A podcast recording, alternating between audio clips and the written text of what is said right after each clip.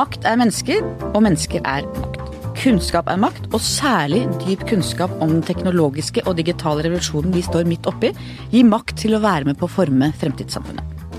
Silvia Ceres, investor, teknologigründer, styregrossist og forretningskvinne, velkommen hit. Tusen takk. Du bisto saudiarabiske myndigheter i å bygge opp Instituttet for business og IT på den, den gangen nystartet kvinneuniversitetet i Jeddah, Saudi-Arabia. Det skal vi komme tilbake til. Aller først reklame. Jeg og kjæresten min vi hører på lydbok eh, når vi ligger i senga før vi skal sove. Og det som er en fordel på appen, er jo at man kan sette på sovemodus. Ja, for jeg pleier jo alltid å sovne før deg. Det er veldig koselig å dele en bok på den måten. Ok, skal vi høre på en ny Erlend Lo. Ja. i furua. God natt, da. Velkommen ut av den dype skogen. Med Storytel får du ubegrenset tilgang til tusenvis av lydbøker direkte fra mobilen din. Prøv Storytel gratis i 30 dager på storytel.no skartveit. Silvia Ceres, en av Norges smarteste og mest velutdannede. Født og oppvokst i Jugoslavia. Mastergrad i IT fra Universitetet i Oslo. Doktorgrad i avansert matematikk fra Oxford. Og master i business fra et av verdens mest prestisjefylte businessskoler, INSED i Frankrike. Hva er din diagnose på Norges håndtering av den teknologiske revolusjonen vi nå står midt i? Ja. Jeg uh, syns i hvert fall at eh, den type retorikk om at vi står igjen på perrongen, og at togene har kjørt fra oss, eh, er feil. Fordi togene kjører hele tiden. Det er veldig beroligende å høre. Ja da. Nei, altså jeg tror at uh, hvis det er noe som eh, plager meg med Norge, så er det at vi ikke feirer våre helter godt nok. Og de som eh, gjør ting eh, på vår egen måte. For jeg tror vi kan bare bli best på noe vi er veldig gode på fra før av. Eh, og vi hører litt for mange fremtidsprofeter som snakker om at eh, vi henger igjen, og så bør vi bli mye mer som Silicon Valley. Det tror jeg er både feil diagnose og feil medisin.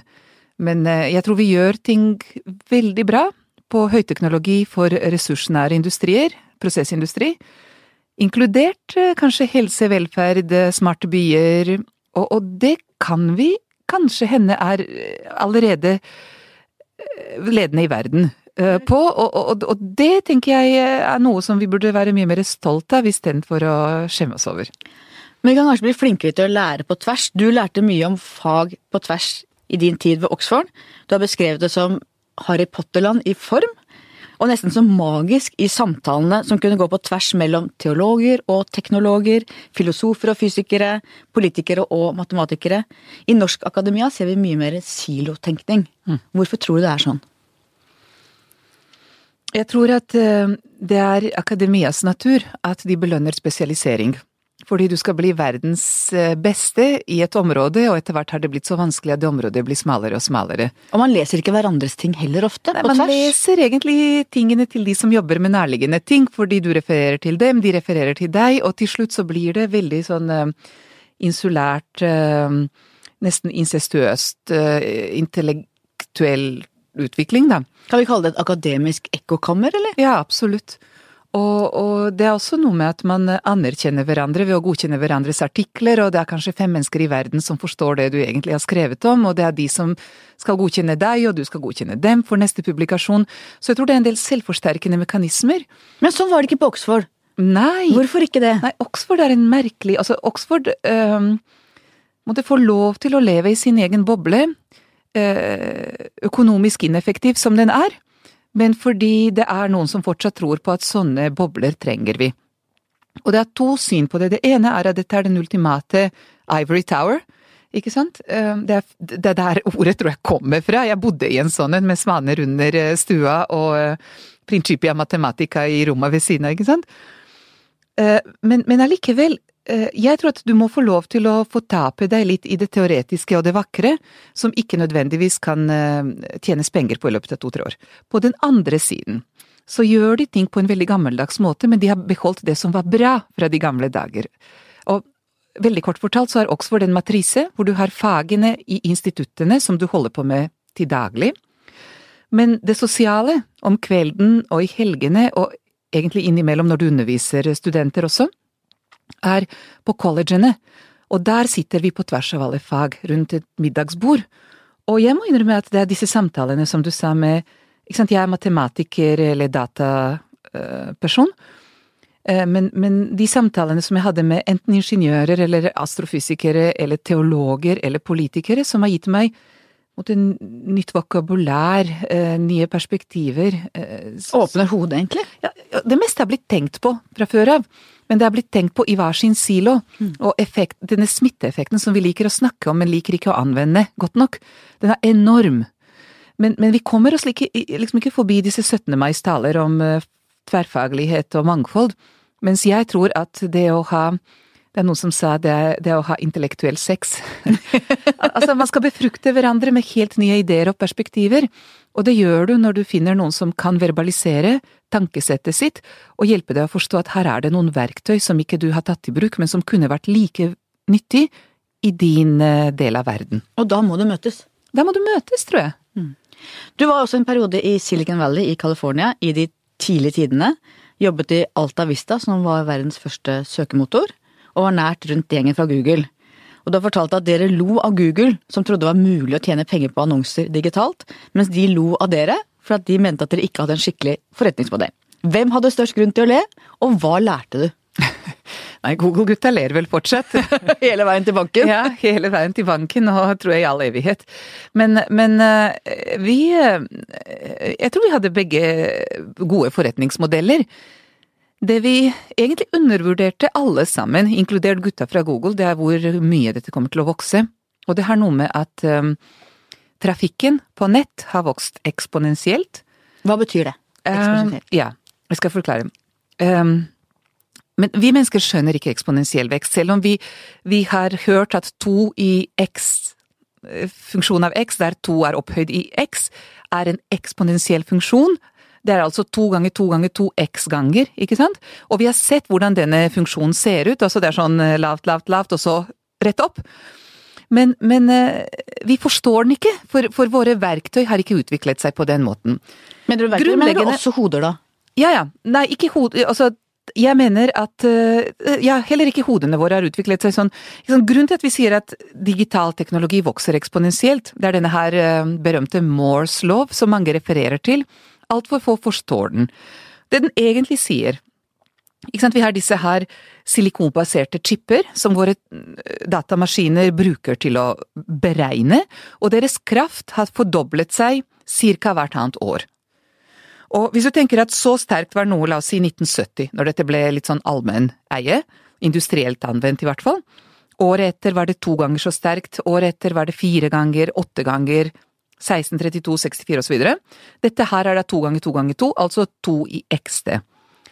Og eh, som sagt, vi har null eh, instinkter, null intuisjoner rundt denne funksjonen. Fordi vi ser nå på mange industrier som har blitt smittet av digitalisering, som også utvikler seg sånn. Men akkurat som vi så på Google, og Google så på, så sier vi ja, men det er ikke noe penger i det ennå. Ja, men dette går så sakte. Ja, men det er så små, det er albanske prosenter, sier vi. Men Det har jeg aldri hørt før. Morsomt uttrykk. Selv om det dobles hvert år, så er det så smått utgangspunkt at, at det blir ikke så stort uh, likevel. Helt til det plutselig har blitt så stort. Og det er han uh, Ernst Hemingway som har um, skrevet i The Sun Also Rises om to kamerater hvor den ene spør den andre hvordan gikk du nå egentlig konkurs? Og så sier han eh, som har gått konkurs, det er veldig enkelt, det er bare to måter. Først gradvis, og så plutselig. og det, akkurat den der opplever jeg en del styrerom nå. Man får et sjokk. Amaras lov, hva er det?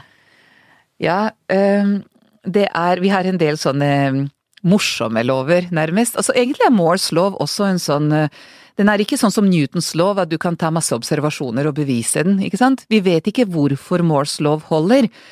Vi er nesten overrasket. Vi har sagt at nå er den død, nå kommer dette eksponentielle til å slutte, for nå kan vi ikke mulig stappe noe mer inn i disse stakkars chipene våre, og likevel så finner vi nye løsninger. Så det ser ut til å være en lov for det digitale. Eh, Amaras lov sier at eh, vi har en tendens til å overvurdere teknologiens eh, betydning eller konsekvenser på kort sikt, og undervurdere på lang sikt. Og hva betyr det? Hva Altså, det betyr for eksempel at eh, når eh, internett kom, eh, og dens første boble, ikke sant, vi trodde at nå fordi vi kan klikke på linker i disse webbrowserne, så skal alt stå på hodet i løpet av tre år, og investerte vanvittige summer av penger i dyrebutikker på nett, og gudene vet hva, ikke sant, det var helt sinnssyk boble. Fordi vi overvurderte hvor fort og konsekvensielt dette blir på kort sikt. Og så kom den store skuffelsen når man skjønte at dette er jo ikke i nærheten av realitetene.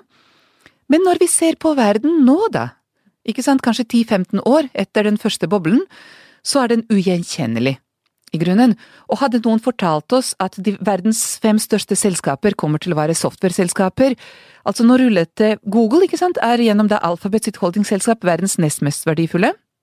Det er ikke oljeselskaper lenger, det er ikke industri, det er ikke G, det er ikke Berkshire Hathaway, det er ikke Exxon Mobil, nå er det Google, og det er Alphabet, det er Amazon, det er Microsoft, det er Facebook, og Apple, verdens mest verdifulle selskap noensinne, passerte 800 milliarder dollar for eh, to uker siden. Og det har aldri vært et selskap som var så høyt verdsatt noen gang. Ikke sant? Og det har noe kanskje med Maroslov igjen, at nå skjønner vi at vi tok feil i forrige runde med internett, men nå overvurderer vi på nytt, kanskje. At det har kanskje ikke vært så mye? Nei, jeg, jeg vet, det er umulig å vite, for eksempel, hva er verdiene i disse selskap? Det er ikke oljeplattformer, det er ikke fabrikk og utstyr, det er ikke råvarer. Det er noe kode og noe data. Og hva er verdien av det, egentlig? Det er så vanskelig å gripe. Ja, men, men det vi ser er at uh, den fjerde industrielle revolusjonen da, dreier seg om at det fysiske smelter sammen med det digitale. Så når Rune Bjerke sier at de går fra å være en bank til å bli et teknologiselskap, og noe lignende sier Sigve Brekke om Telenor, så rister folk på hodet og ler litt av dem. Men det de mener er at det grunnleggende mot det kommersielle konkurransefortrinnet de har, begynner å bli software-drevet. Og det er disse algoritmene som er pakket inn i mange, mange lag av biblioteker som vi ikke skjønner lenger, som bestemmer hvordan de skal tjene penger og hvordan de skal vokse, og hva de skal vokse på. Og det er dette som er så vanskelig å forstå for tradisjonelle ledere. For ikke sant, tross alt mener de at det må være noen frekvenser og master og Noe å ta i. Noe å ta i, ikke sant, men etter hvert så er det mest verdifulle ikke det du tar i, men det som kobler de tingene som du kan ta i. Så disse nettverksverdiene er egentlig det som jeg tror vi misforstår også. Vi tenker at det er chipper som gjør oss den store veksten, men jeg tror dette dyret som treffer oss nå i denne fjerde industrielle revolusjonen, er egentlig nettverkenes makt og kraft, da. Som er gjennomdigitalisert, men allikevel, det er nettverksdynamikken som, som det også er en av de grunnleggende nerdelovene om det vi opplever nå, og det dreier seg da om disse altså, Vinneren tar alt type dynamikk, ikke ja, sant? Det må vi snakke mer om, for det syns jeg er utrolig interessant. Jeg traff deg på universitetsmiddagen i Tøyenparken, eller i Mhm. Botanisk hage, hvor du snakket om de lange linjer og dro det historiske perspektivet til trykkekunsten, men også da gjennom dampmaskinene, altså hundreårssyklusene. Fortell litt mer om det. Ja. Så eh, jeg vil egentlig eh, prøve å Altså noe av det jeg gjør for tiden, eh, samfunnsoppdraget mitt akkurat nå, er å få folk til å skjønne at det haster. Fordi jeg får altfor ofte reaksjonen at nei, dette her har vi sett før og vi er gode på omstilling videre, eller at dette får teknologene finne ut av. Og det mener jeg er feil ut av to eh, grunnleggende grunner. Det ene er at vi har ikke sett det før, vi har ikke sett det eksponentielt på denne måten før. Og dette her kan ikke teknologene løse alene. For det første så skjønner ikke de sitt eget samfunnsansvar. For det andre, så for å forstå hvordan effekten er på samfunnet og håndtere det, så tror jeg vi er nødt til å samarbeide på tvers av samfunn og politikk og næringsliv og teknologi. Ja, For teknologene skjønner jo ikke samfunnet, og samfunnsbiterne skjønner Nettopp. ikke teknologien. Nettopp. Der, her skal, kommer vi tilbake til tverrfagligheten, og at vi har forskjellige modeller, forskjellige språk. Og eh, før vi lærer å oversette mellom våre verdener, så tror jeg det blir veldig vanskelig å skjønne hvordan vi kan hjelpe hverandre inn i en riktig fremtid. Men det haster, fordi den fremtiden treffer oss som en murvegg om veldig få år. Og hvis ikke vi gjør noe proaktivt fra dette landet, så er det noen andre som kommer til å definere den fremtiden for oss, med helt andre verdier og, og kanskje helt andre drivkrefter, da. Men, men, men tilbake til det du spurte, for jeg svarte ikke på spørsmålet ditt. Det fjerde, eh, altså det som du spurte om er disse hundreårssyklusene, og det er basert på Klaus Schwab sitt um, industri, altså fjerde industrielle revolusjon-fortelling, hvor han sier at tre ganger tidligere i vår historie så har vi tatt i bruk teknologi som har gitt oss um, kvantesprang i vår produksjonskapasitet. Første gang i 1770 med damp, andre gang i ca. 1870 med elektrisitet, tredje gang i ca. 1970 med det digitale. Altså det er den forrige industrielle revolusjon for 50 år siden som er digital, og nå da med disse cyber physical systems, altså hvor det digitale er smittet over på det naturlige og det fysiske og det samfunnsmessige og det økonomiske og politiske. Og, og, og, det er sånn svimlende dans på tvers av alle industrier og alle teknologier, eh, som vokser eksponentielt, er svært pola- polariserende og er kombinatorisk i sin natur, da, så den er ekte tverrfaglig. Ja, det pipler inn overalt. Pipler inn overalt, men også påvirkes på mange flere måter enn at man kan bare si at ja, det er noe greier som har med big data og skyen å gjøre, så da får gutta på ytterrommet finne ut av det. For de, de, de som må finne ut av det, er de med forretningsmodellen i hånda, og med lovene eh, liksom i hånda, og med teknologien i hånda, så må de danse sammen nå, tenker jeg. Og forstår politikerne våre nok av hva vi står overfor og midt oppi? Du, jeg lurer på om det er nå det begynner å skje noe. Jeg har merket at uh, jeg har vært uh, utålmodig på vegne av politikerne lenge, for jeg følte at de snakket om at ja, selvfølgelig er vi for digitalisering. Det var litt sånn morsomt. Uh, Altså, hvordan kan du si at du ikke Altså, selvfølgelig er vi for fremtiden, sa en av våre ledende politikere i et sånt spørsmål. Og, og da tenkte jeg, hvordan kan du eh, si noe annet? Altså, det er umulig å si at du er mot fremtiden. Ja, det hadde vært, eh, det hadde vært forsida av VG. Men, ikke sant? Men det å, det å allikevel ta noen av de tøffe valgene som dette her krever av deg, det har de ikke vært villige til å debattere hittil. Og jeg tror det var litt fordi det følte at det var på eh, ikke bare tynn is, men på en annen planet, da, i forhold til de spørsmålene man blir spurt. Og så blir det altfor sånn enkel retorikk rundt ja, men Uber liker vi ikke, sånn kan vi ikke ha det i Norge, ferdigsnakka, ikke sant? Men, men, men jeg tror at dette tvinger seg gjennom i, i måten vi jobber på, i, vårt, i vår personvern, i måten vi håndterer helsa på, i måten vi lærer på. Altså det, dette krever av oss i livslang læring. Så vi, vi kan for eksempel ikke si at vi skal bare enkelt og blindt stole på trepartsmodellen vår, og bare beskytte de jobbene vi har, og dermed så fortsette For eksempel, altså 65% av dagens jobber forsvinner. Du er nødt til å skape nye jobber, og du er nødt til å ha folk som jobber i dem. Og da kommer vi inn på for eksempel robotisering. Ja, vi kommer inn på robotisering og Hvordan ser du det? Nei, altså jeg eh, det er litt sånn å være imot robotisering og være imot digitalisering også, er litt som å være imot tyngdekraften. Det kommer fordi det gir oss så enormt store effektiviseringsmuligheter. Eh, Men det betyr ikke at ikke vi skal se også den andre deriverte av dette her. Det betyr at gamle jobber forsvinner, og nye jobber skapes. Noen må kunne programmere roboter, noen må kunne designe det produktet de skal lage, noen må vedlikeholde dem, noen må styre dem, noen må overstyre dem. Ikke minst, for da er vi over på eh, det som noen lager sånn science fiction-filmer om, at Ja. maskinene tar over. Ja, og det syns jeg er også veldig fascinerende, fordi vi har gått fra en sånn dystopi Eller først var det utopi, så flott det blir, ikke sant, for da kan vi sitte og eh, berike oss selv da, på det som er virkelig menneskelig kreativt. Eh, Så fra en sånn utopisk verdensbilde, så har vi gått til en dystopisk verdensbilde. Og hvis du ser science fiction i nyere årene, så blomstrer det nå av sånne skremsels, sånne dommedagsprofetier med terminatoraktig fremtid.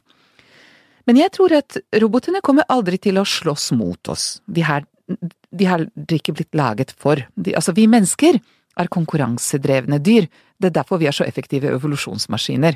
Det er derfor det, er liksom det vi utviklet vår intelligens for. Mens roboter er bare supereffektive beregningsverktøy. det som bekymrer meg, er egentlig at vi kommer ikke til å være flinke nok til å bruke dem. For det første at ikke vi anvender dem der vi burde og kunne, fordi de er virkelig effektive verktøy. Hvor er det, for eksempel? Det er egentlig overalt hvor du kan lage prosessflytdiagram for jobben. Så det finnes nå roboter som skriver journalistikk. Om sport, sant nok, men hvor du ikke kan kjenne igjen. Du kan ikke kjenne igjen om det er roboten eller et menneske som har kommentert eh, fotballkampen, og NTB satser ganske mye på dette her. Det finnes robotkirurger, hvor det mekaniske i kirurgi kan gjøres mye bedre av en superpresis robot som har mye bedre bildeprosesseringsverktøy og presisjonskutteverktøy og så videre enn mennesker. Men de vanskelige avgjørelsene Liv og død. Liv og død, hvor det er umulige etiske avgjørelser. Altså, verden er jo ikke logisk. Verden er ikke algoritmisk. Vår intelligens fungerer på måter som vi ikke forstår ennå. Og de store hoppene så disse robotene, kunstig intelligens, det er egentlig statistikkmaskiner. De driver med noe som heter regresjonsanalyse, og med noe som heter deep learning, hvor du lærer å lære ved å generalisere ut ifra hypoteser og noe data. Men det er ganske enkel statistikk med ekstrem beregningskraft, ekstrem data og ekstrem nettverkstilgang.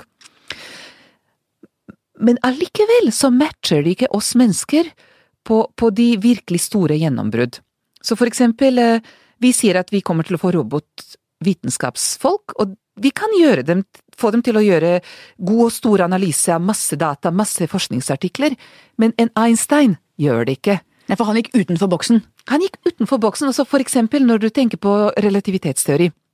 Og samme gjelder egentlig Newton og bevegelsesteori. Einstein tenkte på noe som ikke fins. Eh, hvordan reiser lys gjennom vakuum? Ja, Newton tenkte på verden uten friksjon, ikke sant? Og så drømte de opp disse lovene sine, og de vet ikke, de kan ikke forklare hvordan. Det er magic, nesten. Det er magic, og de største matematiske bevis er også magic, og det er så vakkert at du får frysninger og lurer på… Jeg bare fatter ikke hvordan noen klarte å komme på dette her, for du kan ikke se det i sånne mekaniske steg, ikke sant, at altså, du kan bevi, bakbevise det når du har skjønt det. Og, og, derfor ble vi alle skuffet når robotene begynte å bevise matematiske teoremer, men jeg tror allikevel at de virkelig store tingene fortsetter å være i hånden av våre irrasjonelle, kreative hender. Jeg kjente en gang en kvantefysiker, og hun skrev lyrikk på fritiden. Jeg tror at Og da var det sånn at det er- makes sense for noen som sa det, for det er jo noe med at kvantefysikk er så som du sier, nesten kunst, eller det er så abstrakt, Ja. og det er så rart at det også kanskje for en poetisk hjerne. Jeg vet ikke.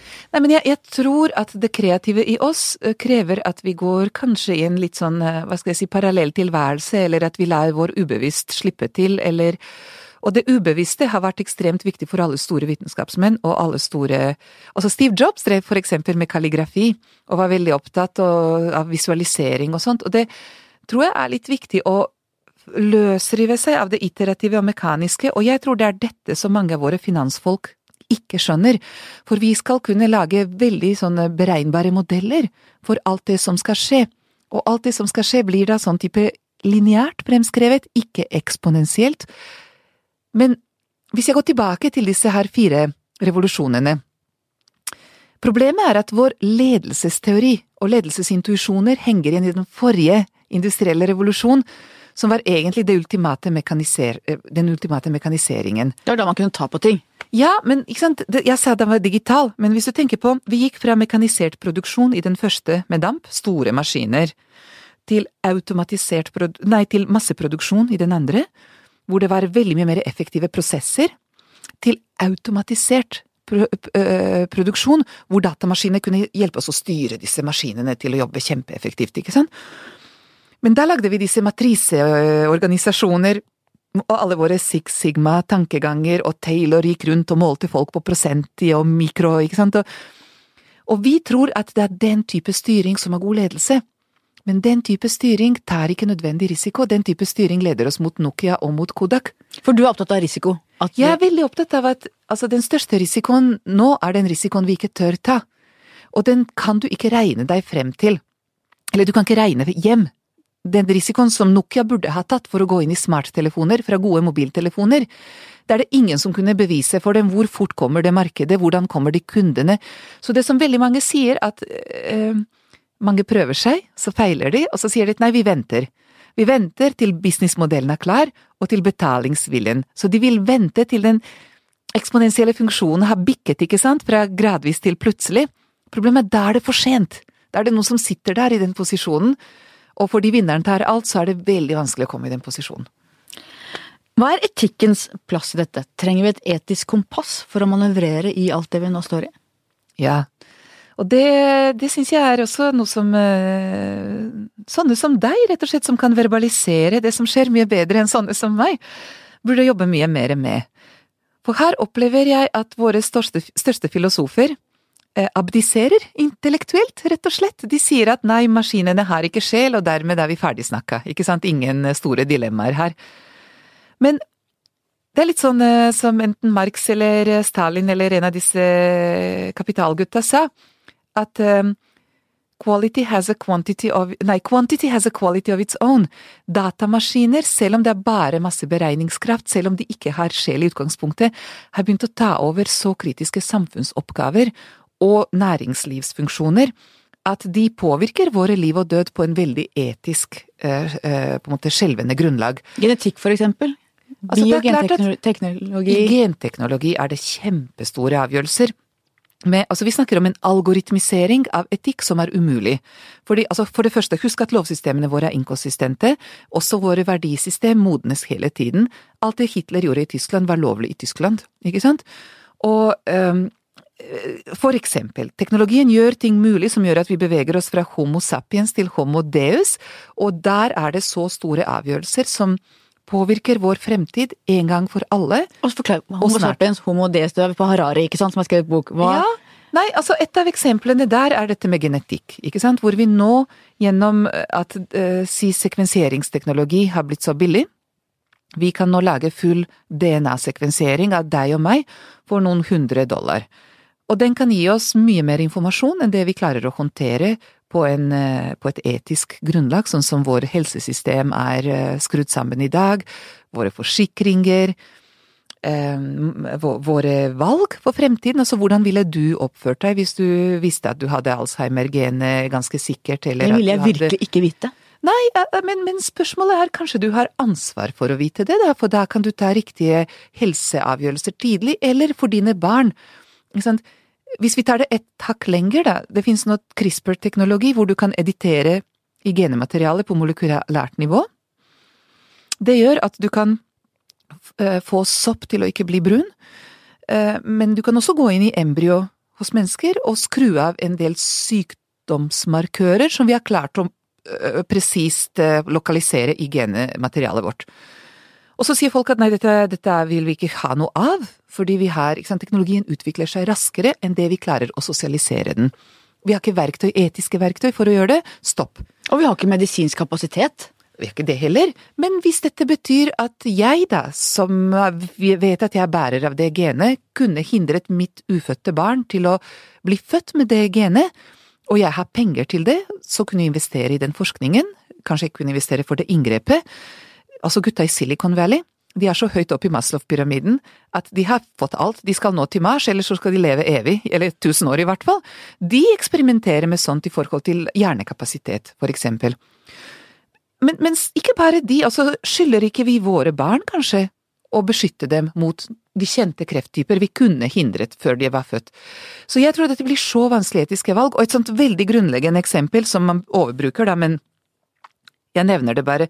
Det er algoritmene som bestemmer for oss i en sånn black box-greie. Se, se disse selvkjørte biler. Inntil nylig tenkte vi at det er science fiction. Så der har du Amaras lov igjen, ikke sant? Uh, uh, Apple sa for ikke så mange år siden at nei, dette her kommer, men det er lenge til, for teknologien må modnes veldig. Og så for tre år siden sa at det kommer, men det vil ta 10-15 år. Og nå sa de for et ett og et halvt, to år siden at det kommer om tre år, ikke sant? Og alle Teslaer siden oktober har egentlig hatt hele teknologistacken som de trenger for å kunne kjøre selv. Eh, Elon Musk venter på regulering, og så skal han skru på en knapp i Silicon Valley, og så kjøre bilene selv. Tut-tut. Utrolig, vet du. Men når denne selvkjørende bilen, og så sier vi at nei, det vil vi ikke ha, men når det viser seg de er mye tryggere enn men menneskelige sjåførene, så spørsmålet er har ikke vi det ansvaret mot samfunnet vårt, mot, barna våre, at eh, de skal bli beskyttet fra våre feilbærligheter bak rattet.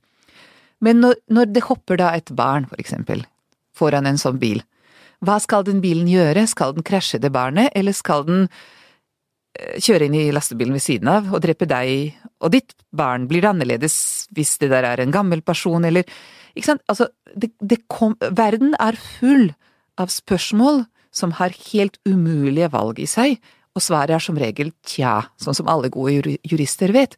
Og det å tolke disse tjaene blir det stor, altså å hjelpe teknologien å navigere dem, For det er jo på er vårt moral... ansvar, vårt etiske ansvar, tenker jeg. Og vi må ha regulatoriske systemer som forbereder oss på en fremtid hvor vi kan overstyre denne teknologien på de nødvendige stedene. Vi må vite hvilke farer som kommer.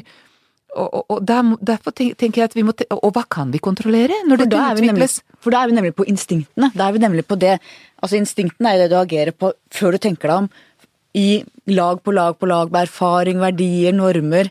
Og det er det umulig å lære en Altså Man kan si at våre intuisjoner og instinkter er i grunnen shortcuts, mentale shortcuts, ikke sant? Som vi enten har bygget opp gjennom vår erfaring, eller kanskje det er til og med noe genetiske greier vi altså, Og, og det, det sitter masse igjen i reptilhjernen vår, også bare dette med fight or flight, ikke sant? Og det er grunn til at vi har de instinktene vi har, de, de fungerer veldig dårlig for den verden som kommer, og samtidig så er det eneste vi har å gå på når vi stiller, blir stilt overfor umulige spørsmål.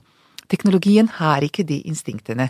Og den løper jo da fortere, for tidligere så har man jo klart på et eller annet vis kulturelt og sosiologisk å holde følge med den teknologiske utviklingen, mens nå løper den så fort foran oss at, at følelseslivet vårt og instinktene våre klarer ikke helt å holde tritt.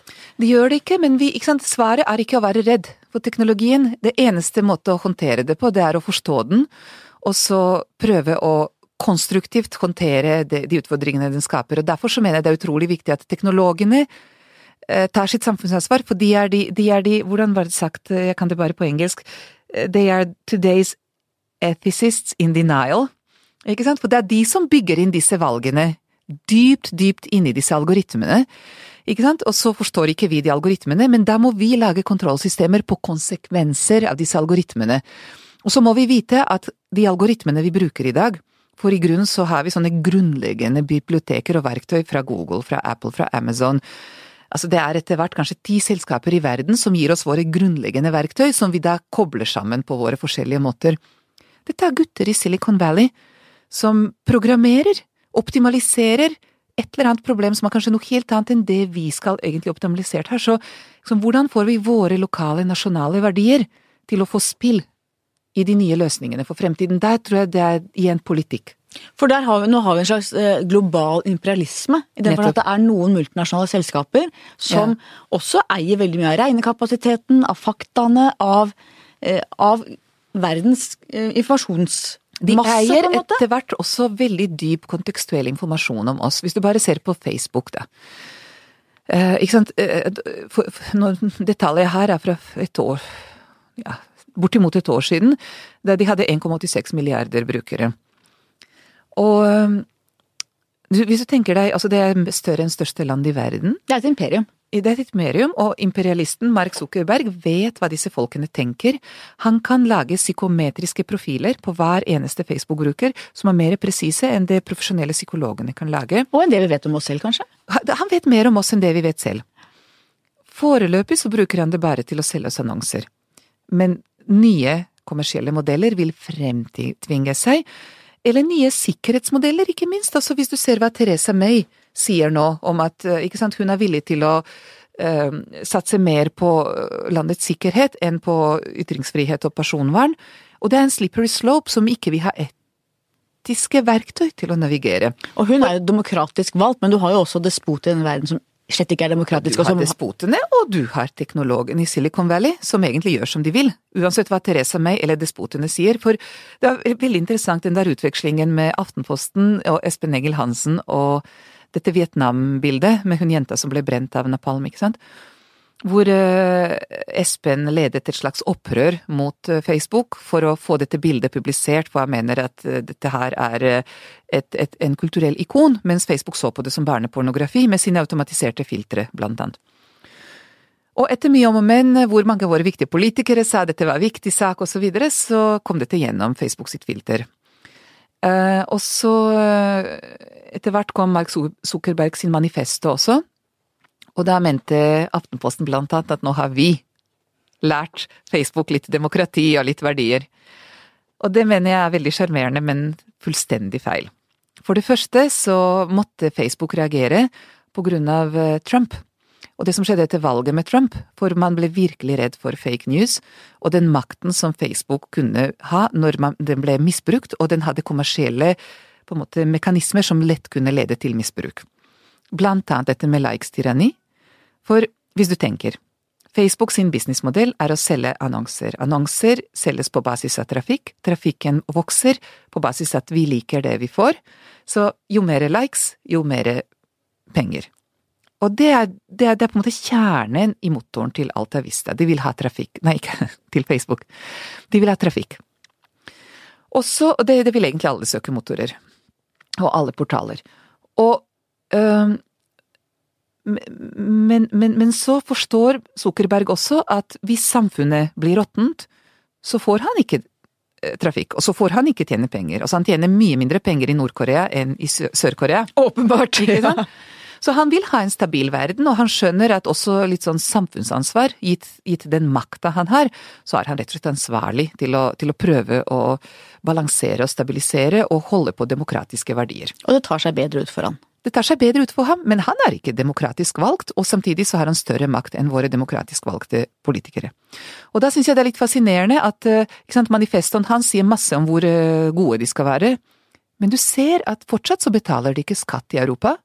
Fortsatt så driver han i Kina på Kinas eh, premisser, så vi må skjønne at dette er kommersielle aktører som etter hvert har enorm politisk innflytelse på hva vi tenker, hva vi kjøper, hvor vi beveger oss, altså de bestemmer etter hvert hvilke medisiner vi skal ta, eh, de, de, de bestemmer i stor grad hvem vi skal snakke med, de kan bestemme om vi skal bli ansatt eller ikke, sånn at eh, den makta versus, eh, versus deres evne til å håndtere den, eller ans... Altså, jeg, jeg bare syns det er fascinerende at vi stopper ikke opp for å lure litt på er det greit at folk som ikke har blitt demokratisk valgt i Norge, kan påvirke oss så dypt politisk. Og hva kan vi gjøre med gigantene fra vestkysten, med winner takes all-økonomien, med at de får denne makten over oss i en globalisert sammenheng? For at du har nasjonale regjeringer, du har EU, du har noen konstellasjoner, men du har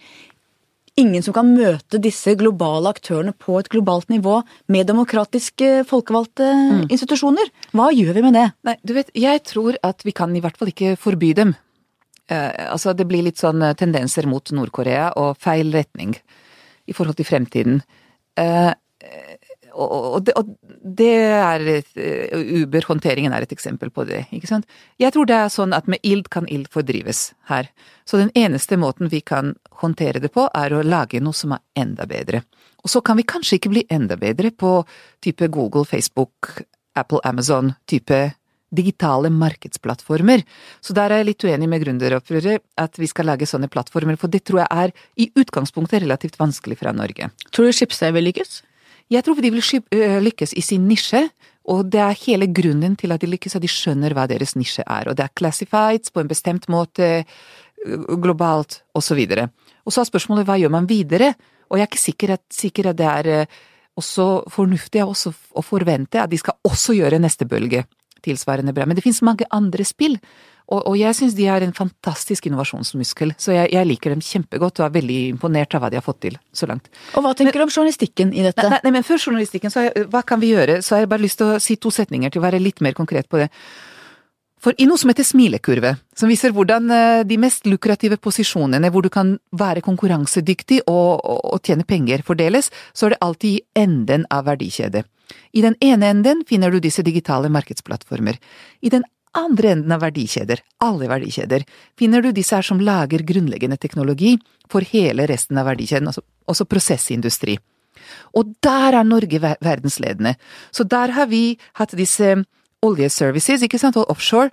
Altså, vi hadde verdens beste teknologi for oljeprosessindustri. Når vi lurer på hva vi skal leve av etter oljen, så tror jeg det samme, bare innenfor andre industrier. Og der kan industrien være hav, maritim, eh, marin, nye former for energi, men det kan også være helse, velferd og infrastruktur. Så der tenker jeg i en sånn grenseland mellom det å ha kjempekjøpedyktige og egentlig fremoverlente store kunder, som burde kjøpe spennende norsk teknologi, som burde utvikle disse verdensledende klynger, som vi så eksporterer. Og så kanskje blir det ikke så lukrativt som olje, men i sum, kanskje tre sånne blir vår neste olje. Jeg var i Ulstein for noen år siden og så på, der bygger de jo skip. Mm. Og da snakket vi med, eh, med Gunn Ulstein, som snakket, Gunvor. Gunvor, Gunvor Ulstein, som snakket om hvordan de hadde brukt eh, gamle fiskere. De lagde jo fiskebåter som gikk ut i havet. Og så begynte da Ulstein å bygge båter for oljeindustrien, men da brukte de erfaringene fra disse fiskebåtfolka. For det handler om det samme hvordan det går i sjøen, og det er det du snakker om egentlig. Å forflytte kjernekunnskap fra en næring til en annen, men hvor, hvor selve grunnkunnskapen er den samme på et vis. Jeg, jeg tror det er et veldig viktig poeng, og jeg tror at ikke bare forflytte kjernekunnskap, men også kjerneinteresse. For jeg tror det er noe med at uh, altså nordmenn er best når det blåser. Vi liker å lage smarte løsninger for ekstremt krevende situasjoner, og verden blir ekstremt krevende i mange områder. Og det å, det å huske at vi kan bare bli gode på noe vi har vært ekstremt gode på, uh, tror jeg er litt sånn viktig del av denne fremtidsbyggingen. Og så til journalistikken. Ja. Informasjonsstrømmen som er så overveldende. Hvordan skal vi klare å se sammenhengene og de store bilder i den kaskaden av informasjon på godt og vondt, viktig og uviktig, som er samla sammen? Der tror jeg at eh, jeg har egentlig et veldig lite både politisk korrekt og, og, og, og kommersielt korrekt svar for deg. Og det er at jeg, jeg tror man er nødt til å eh, prøve å slutte å følge med på alt. Og melde seg ut av en del av det kortsiktige for å kunne fortsatt tenke noen store tanker. Altså det å ha disse langsiktige tanker får jeg eh, Jeg leser Economist, og merk, jeg sier jeg leser, jeg, jeg, jeg har den på iPaden, men det, min, min hjerne tar faktisk til seg informasjon på en helt annen måte når jeg kan bla. Sånn er jeg òg! Nei, men jeg tror sånn er vi alle sammen. Jeg tror faktisk at eh, kunnskapsinntak hos mennesker er mye mer fysisk enn det vi har vært villige til å innrømme hittil. Det er noe med at du, altså, hendene dine nærmest har et minne, de kan slå til finne tilbake i bøker. Du husker. Favorittkapitlene, og det er noe med at den er, er, den er nesten taktil, ikke sant. Men det er forska på det, og det har vist seg at det man leser på en bokside, husker man bedre enn det man leser på skjerm. Ja. Også fordi, som du sier, du kan slå tilbake. Jeg har bøker som jeg brukte på universitetet for 10-12 år siden. Hvor jeg tenkte, det var et eller annet der, så går jeg og finner den i hylla, så husker jeg at det var omtrent en tredjedel inn, og så var den siden liksom Ja. Det var et mellomrom der, og der står det, og der finner jeg det. Ja, Og ja. det gjør du ikke på skjerm, for der har du ikke det bildet av hvor Nei. du er, sammenhengen. Så jeg tror det er helt Og det er bare den følelsen av å kunne skrive i margen. Ja, ikke sant, og slett, google ut og. Men dette er jo også et innlegg for papiravisen. Ja. Eh, nei, altså jeg leser Economist bare på papir, ikke sant, men det er et format og et fokus og en langsiktighet som passer meg veldig bra. Og så blar jeg gjennom eh, papir, noen papiraviser. Uh, og, og leser det som fe- fester, seg, fester seg hos meg. Og så har jeg begynt å høre på bøker. Og der har jeg funnet noen områder som jeg blir veldig inspirert av, og jeg lærer rett og slett massevis av. Og hva leser du da, eller hva hører du på? Altså, jeg hører på, og det, det vil jeg også bare si apropos dette med skjerm versus uh, papir versus uh, øreplugger, ikke sant? For jeg merker at samme bok som jeg hører på, har større effekt på meg enn hvis jeg prøver å se på den på min Kindle. Jeg har den på Kindle for å kunne finne tilbake til sitater, men jeg hører på den, for det er når jeg da sitter og kjører bil eller sitter på fly. Uh, jeg hviler øyne, men mer viktig er at jeg tvinges i en roligere tempo, som gjør at hjernen min prosesserer det på en måte som jeg tenker mens jeg hører etter, istedenfor å bare liksom diagonalt rase gjennom disse sidene for å bare si at nå vet jeg hva som har stått der, men jeg har liksom ikke tatt det til meg på samme måte. Og det jeg nå leser er eh, Jeg har eh, oppdaget massevis av spennende bøker om forskjellige sider ved teknologi, og hvordan de konkret påvirker industriene, og jeg føler at eh, der får jeg innhold som jeg så kan selge videre, eh, som, altså selge på verdigrunnlag, da. Um, og der tenker jeg vi er nødt til å blande oss litt mer internasjonalt. Det blir litt for mye sånn at noen har gått og hørt på noen, og så For jeg tror at der har vi etter hvert å fortelle noe som er helt unikt med dette med verdien av tillit og fellesskap og sånt, i den nye økonomien og den nye teknologien. Det blir helt sentralt fremover. Det skjønner ikke Silicon Valley. Så nå begynner jeg å ha lyst til å liksom Men det andre som jeg har blitt fascinert på nytt av, det er eh, rett og slett science fiction. Også ordentlig god sånn soft science fiction som går på samfunnsendringer. Eh, Hvis du tenker på alt fra George Orwell, ikke sant, Eh, og disse her eh, Space Odyssey og Brave New World og en del sånne ting, det, det, det ligger ganske dy... Altså, Mo, Moni the Harsh Mistress er en nydelig, gammel, gammel bok som prøver å utforske dette her med maskinen med selvbevissthet. Begynner med å prøve å lære en maskin vitser, og hva er morsomt, ikke sant, men, men utrolig interessante perspektiver på et sånt optimalisert samfunn.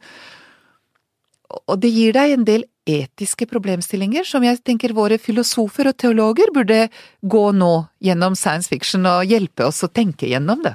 Veldig interessant, altså.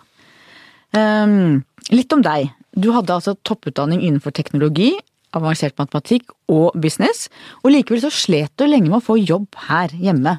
Hvordan forklarer du det? På-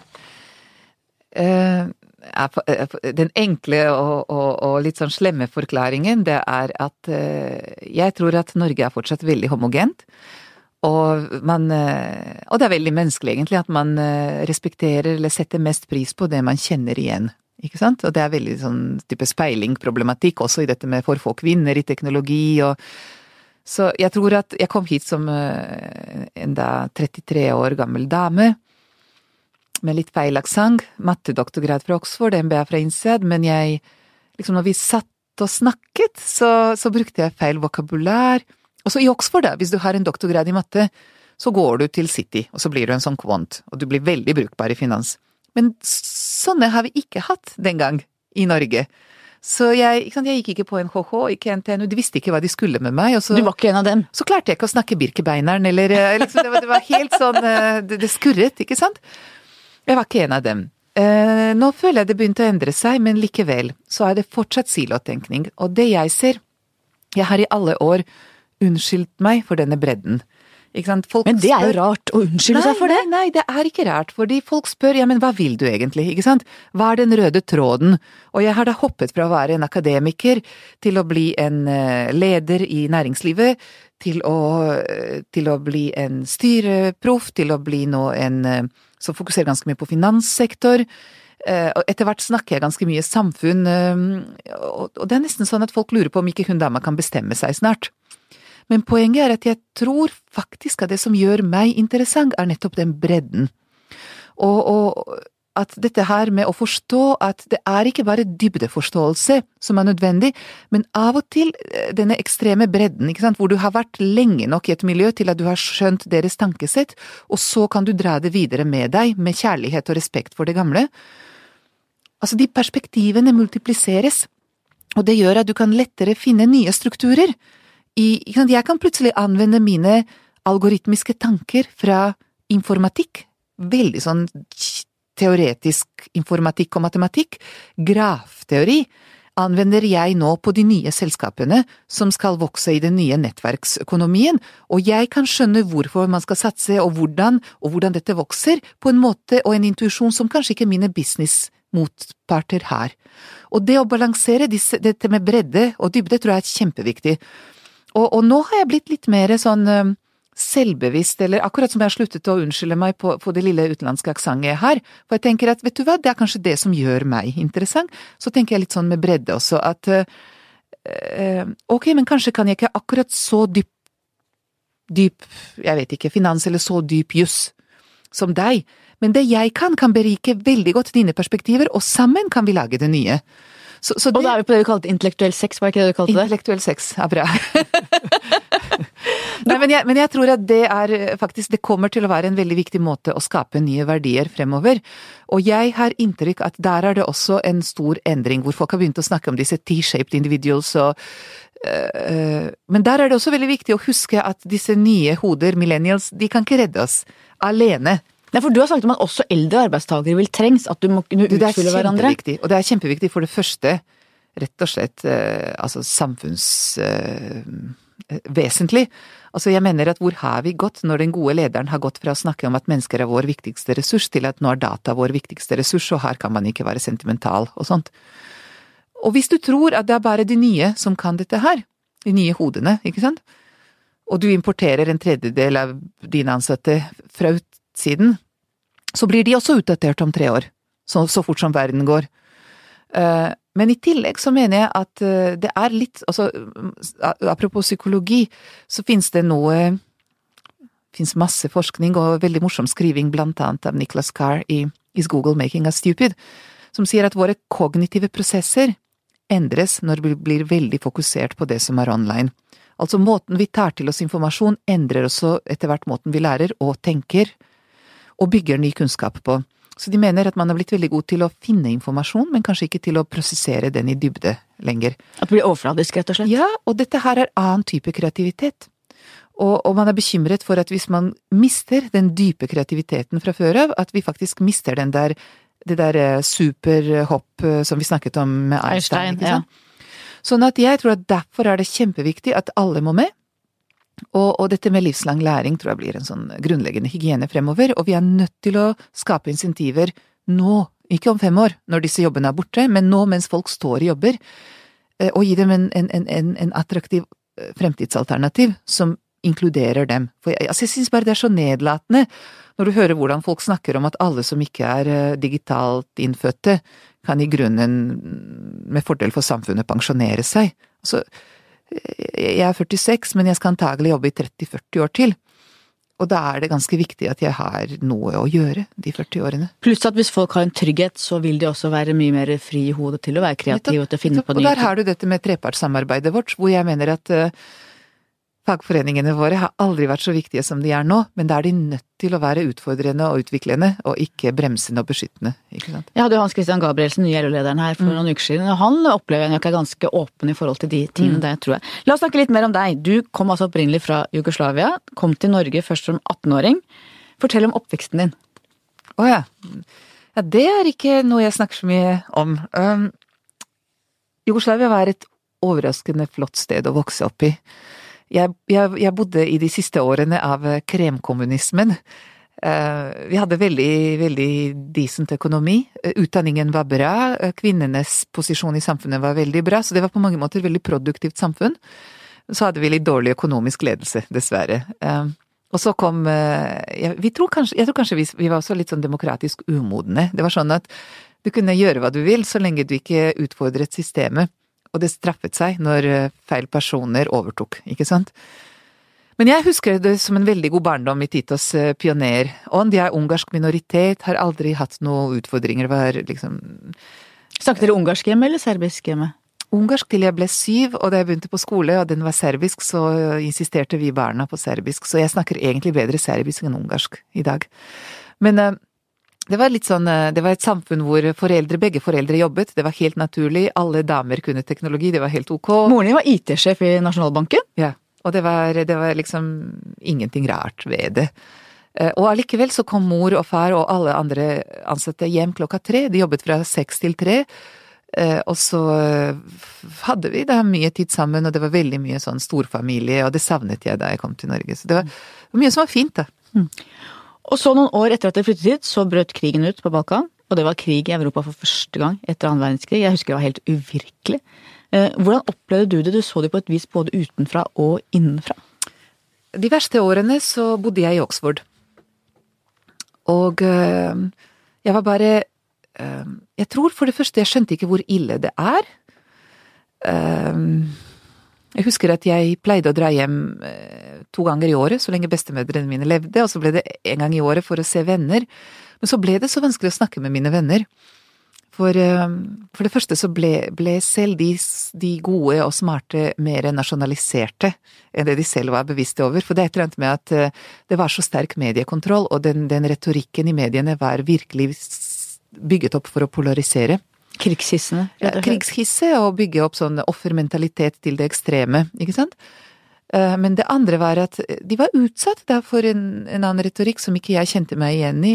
og de, de, de, var skikkelig aggressive på Nato-bombing. Jeg skjønte det ikke, for jeg følte at det var den eneste måten å stoppe det på. Men samtidig så snakket jeg med mine venner som hadde barn som hadde fått varige livstraumer.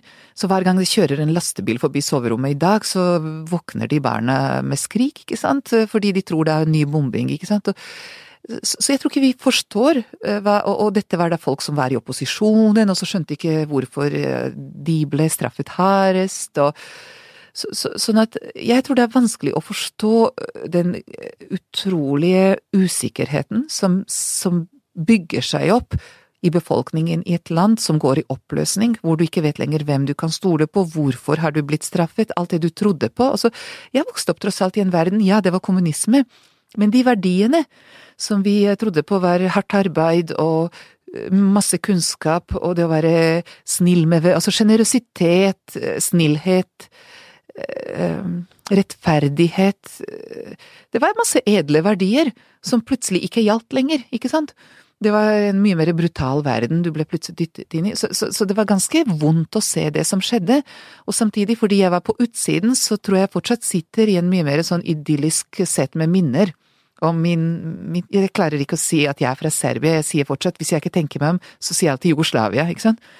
Så men, men, samtidig så, så, bygget det en slags paranoia i meg i forhold til at jeg mener at vi bor i et fantastisk land i Norge, Men jeg tror ikke vi skjønner hvor skjørt alt er. Du har sett at alt kan ryke. Altså, det kan ryke, og det kan ryke på så kort tid, og vi var sikre på at dette kommer aldri til å skje, i hvert fall ikke i Jugoslavia, fordi vi var så mangfoldige, og dette var verdens mest populære pass, du kunne reise øst og vest, og, og så gikk det så til helvete på så kort tid.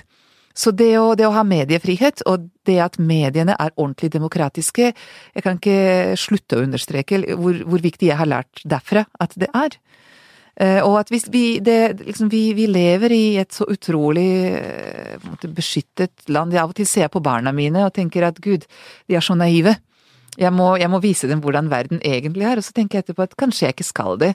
For det er en utrolig stor styrke nettopp i det ekstremt positive menneskebildet som de vokser opp med. Det gir en trygghet. Vet, det ligger en trygghet, men mer enn som så. Det ligger en respekt som er helt grunnleggende for et sunt samfunn, og så ligger det en fremtidsoptimisme som også er grunnleggende for at du skal For eksempel, mange av mine venner i Serbia er minst like bra utdannet som meg, men de er så fremtidsskeptiske. Mens jeg har blitt ekstremt fremtidsoptimist, men det gjør også at jeg kan skape mer, nettopp på grunn av den fremtidsoptimismen. Det, det, det de har, som jeg av og til misunner dem, er en fatalisme, veldig med god sort humor. Mm. Og det, altså, alt går til helvete likevel, så vi kan like godt ha det litt gøy underveis, ikke sant? Og det er viktig som en liten sånn type motbalanse mot den eh, Altså, vi setter ekstreme krav på oss i Norge, og så er vi så misfornøyde med en gang noe ikke er best i verden. Det mener jeg er litt sånn morsom norsk syndrom. Altså, det er helt ok at det er sånn 90% ok. Eh, egentlig burde det ikke bli bedre enn det, for etterpå blir det sånn ødeleggende, tenker jeg nesten. Mens, eh, og det å ha litt av den der ja, men ak akkurat i dag gikk det skikkelig ille, men man kan le litt av det den tror jeg vi burde bygge litt inn, da, her. Men, men at det grunnleggende er bra, og, og, og, at det er en veldig fin fremtid for oss alle, det, det, det er en av de største styrkene vi har. Og så tror vi at sånn har alle det i verden, men det har de det ikke, altså. Mm. Du, men du kom ikke hit da av eh, krigen, men for at faren din, matematikkprofessoren, fikk jobb her. Eh, hvordan opplevde du å bryte opp fra alt det kjente og starte helt på nytt i et fremmed land? Du, det var grusomt. Eh, jeg, jeg, kom hit egentlig fordi mine foreldre ville det. Jeg ble ferdig Jeg fikk lov til å bli ferdig med gymnaset i Jugoslavia. Eh, ble, bodde der et år alene. 17 år og disponerte leilighet og bankkort og sånt. Og det var eh, jeg var altfor snill pike, ikke sant. Moren min lurte meg, for hun sa at vi vet at du er så ansvarlig og vi kan stole på deg, og dermed så kunne jeg selvfølgelig ikke rote det til ordentlig. Det var fantastisk siste år med veldig, veldig mye venner og sånt. og Eh, det å bryte opp fra det vennskapet og komme til eh, Blindern jeg, jeg, ville være sammen med foreldrene mine noen år til. Og så ville jeg se hvordan ser nå denne Vesten ut. Men samtidig så var eh, Blindern sosialt ganske ensomt. Og jeg husker det gikk måneder imellom jeg følte at en gutt så meg i øynene. Og du lurer på liksom, fins jeg? Mm folk sa til meg, og, og, og jeg tror at kanskje er Blindern annerledes enn CNTNU, da, hvor liksom mange flokker til, og så er alle nødt til å lage et nytt sosialt uh, nett. Mens her var det litt for mange som kunne si at uh, ja, men du er hyggelig og interessant, men jeg har nok venner fra før av. Og det hadde ikke jeg tid til, uh, ikke sant, så det, Så Norge er praktisk et veldig greit sted å komme til. Um, også økonomisk og altså jeg hadde mine foreldre her og min søster, og tross alt hadde jeg altså uten dem ville jeg snudd i døra ganske fort. Og jeg hadde foreldre da som ga meg et sånt men, men, men du må jo ha noe mer enn det. Selv om du er 18 år har du lyst på litt mer action? Du har lyst på litt mer action, og du, du, du har lyst til å på en måte passe inn. Og, og det er umulig å nesten forstå hva det vil si å passe inn. Også disse hyttegreiene var en sånn magisk og mystisk greie for meg i flere år. Um, disse referansene folk har altså, vet du hva, Den første store integrasjonen skjedde da jeg fikk min uh, norske kjæreste. Uh, når, jeg, når, jeg, ble tatt med på disse hytteturer og sånt, ikke sant, hvor jeg opplevde ja, hva, hva er nå disse hyttegreiene? Og, og, og, det andre er eh, og, sant, det sosiale, å bli invitert til julefeiring og eh, ikke sant, Istedenfor å bare bli vist en hyggelig, men kald skulder, så fikk jeg se hvordan man har det når man er åpen med hverandre, og det, det var litt sånn å være den piken med fyrstikker på utsiden, og plutselig komme inn og kjenne på disse stearinlysene, da, ikke sant. Og det andre var egentlig da jeg fikk barn. Og altså det er ekstremt rikt sosialt liv i alle barneskoler. Og det å lese Torbjørn Egner med dem og skjønne hva folk mener når de refererer til alle disse her tingene man refererer til i hverdagen, det var en utrolig viktig del av sosial integrering. Så det å Altså, nordmenn mener at det er så lett å bo i Oslo, Nordmarka-syndromet og sant, skog og Men altså, du må ha en båt for å kunne bruke fjorden i grunnen, altså for å skjønne hva eh, Nå er det blitt bedre etter hvert med alle mulige sånne fjordbyen, og det mener jeg er kjempeviktig. De, nordmenn skjønner ikke hvor stor avstand det var for meg å gå den første runden rundt Sognsvann. For jeg skjønte ikke vitsen med det. Ikke sant? Nei, men altså vi, Ja, ja, hvorfor det? Hvorfor det? Ikke var det noen kafé der og Nei, nei, nei, nettopp. Eh, Så, så, så, så det å eh, Det å dra folk inn da, i, i, i å elske Norge, så- sånn som nordmenn gjør, der tror jeg man Altså DNT gjør for, f.eks. en fantastisk arbeid. Turistforeningen. Ja, ja. Men hva tenker du er eh, det viktigste vi som samfunn kan gjøre? Det er jo, Vi blir jo mer og mer mangfoldige. Hva er det mest viktigste vi kan gjøre for å få til en vellykket integrering av de som kommer hit, og de som er født her, men eh, med besteforeldre andre steder, f.eks.? Jeg, jeg tror det er eh, to ting. Det ene er og det er sikkert veldig mange ting. Og, og så er det litt sånn at jeg må jo tenke på integrering ut ifra mitt perspektiv, ikke sant. Og jeg tenker veldig fort på de flinke utlendinger som kommer hit, men føler ikke at de får nok oppgaver. Så jeg tror det ene vi må gjøre, er å slutte å patronisere dem, og undervurdere dem, og eh, liksom virkelig være nysgjerrige på hva er det jeg kan lære fra deg, hva er det som er annerledes ved deg, men som er nyttig for meg. Selv om det kan være ofte litt vanskelig å skjønne det, selv om det er masse kulturell friksjon, så er det ustro… Altså, det er her verdiskap… eh, Igjen, ikke sant, vi snakker om den tverrfagligheten, det er her deres største verdi er. Ikke fordi de kan masse matte, men fordi de har lært å tenke om et eller annet på andre måter, de jobber på en annen måte. Altså, Litt Oxford. litt Oxford på tvers av kulturer og på tvers av fag og på tvers av alder og på tvers av eh, hudfarge og religion og alt det der, ikke sant? Være ydmyk at selv om vi bor i verdens lykkeligste land, så kan vi lære massevis av folk som kommer fra Syria hvis de er faglig dyktige ingeniører eller faglig dyktige leger eller Men det andre er også er at vi skal da hjelpe Altså vi skal vi skal gjøre, gjøre Vi skal sette krav, da.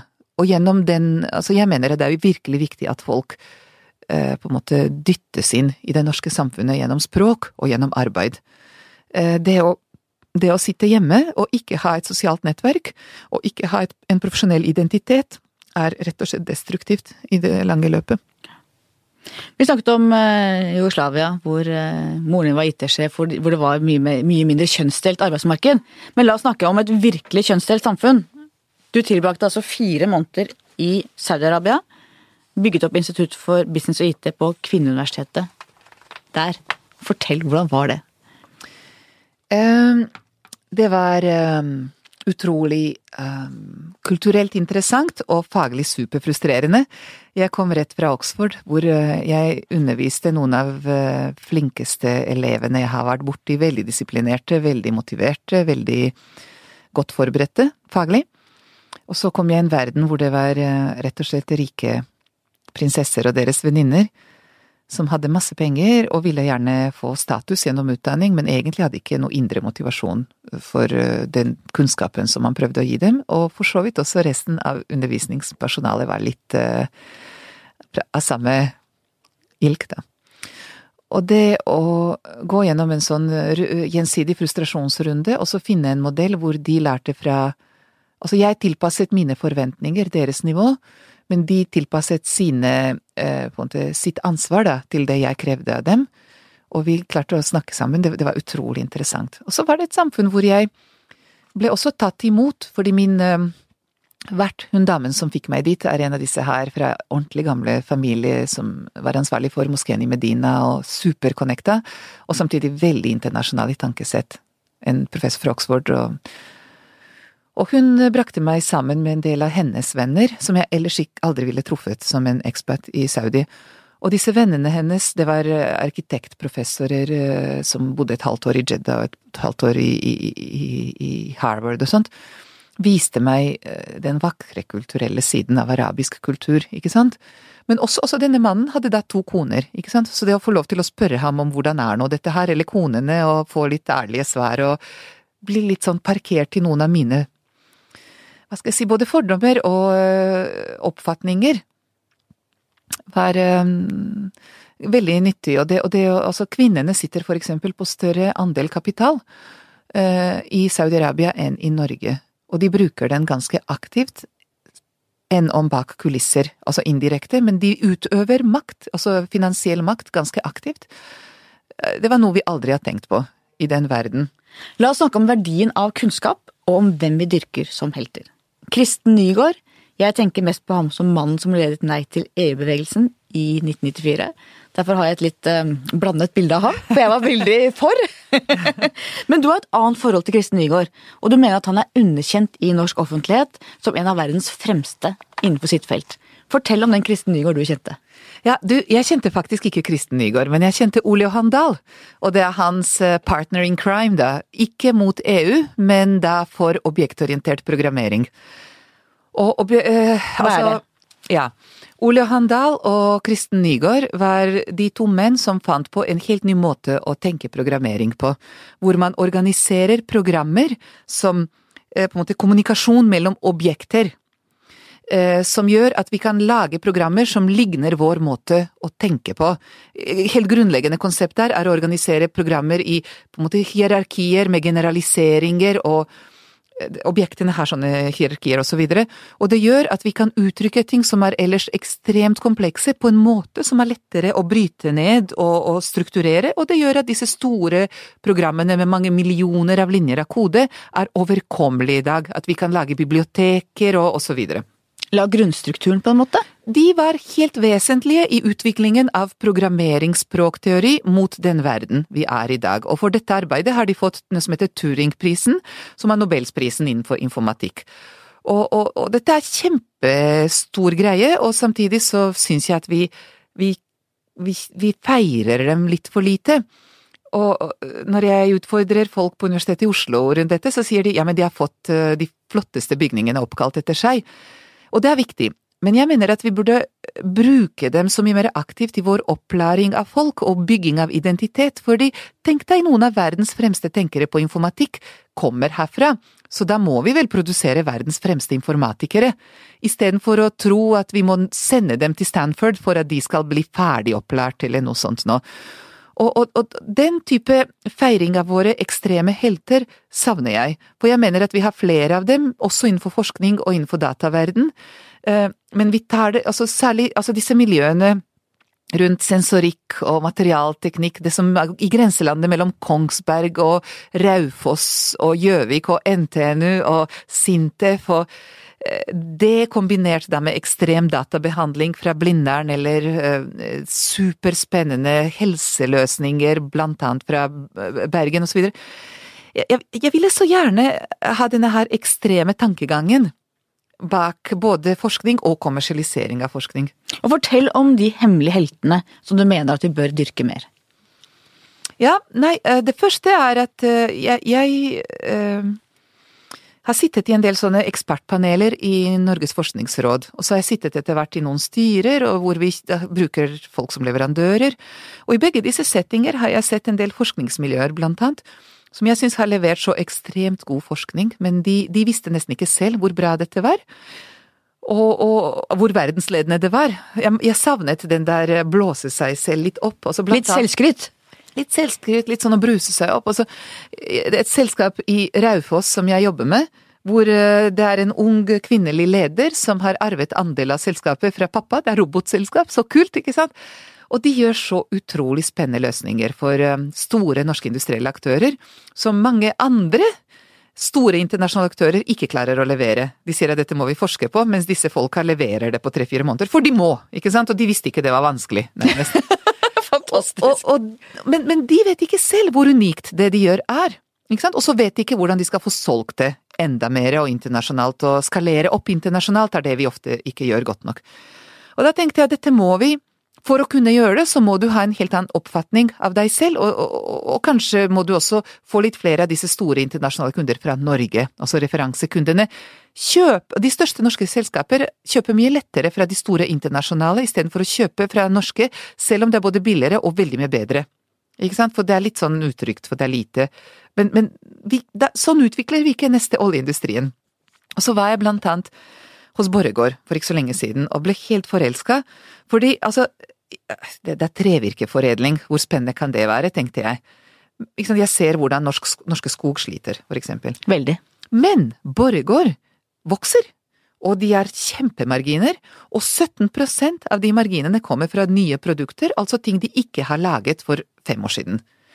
Og 50% av innholdet til absolutt alt, alle arbeidere, altså all arbeid til alle arbeidere, 50% av det er nytt. For Altså- alle de gamle, de unge. Gamle fabrikkarbeidere, ikke sant? Og de har ikke sagt opp en eneste person, noen har pensjonert seg, men alle de som vil, er med. Og, og, og, og, dette er bioraffineri, så dette er ikke digitalt, ikke skyen, ikke kunstig intelligens og big data, men allikevel, dette er muliggjørende teknologi. Husker du vi snakket om high-end technology for process industry? Og så er de så gode, og så lager de så kjempespennende produkter som mange største bedrifter i verden trenger av, sånne nisjeprodukter.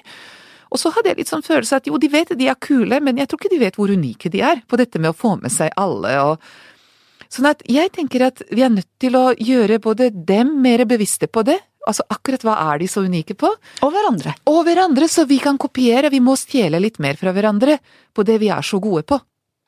Uh, og, og, og da må du være konkret, så da må du fortelle historien om Borregaard og det nye som er så kult hos dem, og Jotun og Wilhelmsen og Storm-G og Ruter og NRK, og, og jeg tror jeg kunne fort ramset opp kanskje 20 sånne helter, som gjør et eller annet fantastisk fremtidsrettet, men vi må fortelle den konkrete historien, for det er bare i det konkrete vi klarer å kopiere, det. Og dette er en jobb for oss òg. Ja. Vi nærmer oss slutten. Mitt faste spørsmål, helt til slutt. Hva skal bli historien om deg? Silvia Ceres, det var hun som Det er hun som ikke kunne bestemme seg. Nei, Nei jeg vet ikke. Jeg eh, Jeg jeg syns kanskje jeg er en av de som er litt eh, sånn tidlig på å være teknolog, men insisterer på at teknologene har en viktig samfunnsrolle og en viktig rolle i næringslivet, og insisterer på at ja, ledere må kunne teknologi, men teknologer må kunne ledelse, og ville lede. Så det at jeg har kanskje bygget disse broene mellom teknologi og næringsliv, og kanskje etter hvert litt politikk i bildet også, eh, håper jeg blir noe av det. For, for jeg, jeg tror det som er viktig er at ingen av oss er eh, helter i oss selv, ikke sant. Jeg, jeg er veldig god på én bestemt smal del av informatikk. Eh, men det er når jeg ser samspillet med det som de andre er gode på, at ting begynner å bli spennende. Og, og, og det å invitere de andre heltene, og la oss nå leke litt tverrfaglighet, helteskap her, eh, er det som jeg blir inspirert av akkurat nå. Og hvis det er eh, noe som vi klarer å samle oss som en liten bevegelse, som også tenker litt særnorsk rundt det, og vi klarer å definere da eh, det nye Norge på norsk, og ikke på svensk eller eh, engelsk, så hadde det vært utrolig spennende. Så en nerdebrobygger med glede. Ja! Tusen takk for at du kom.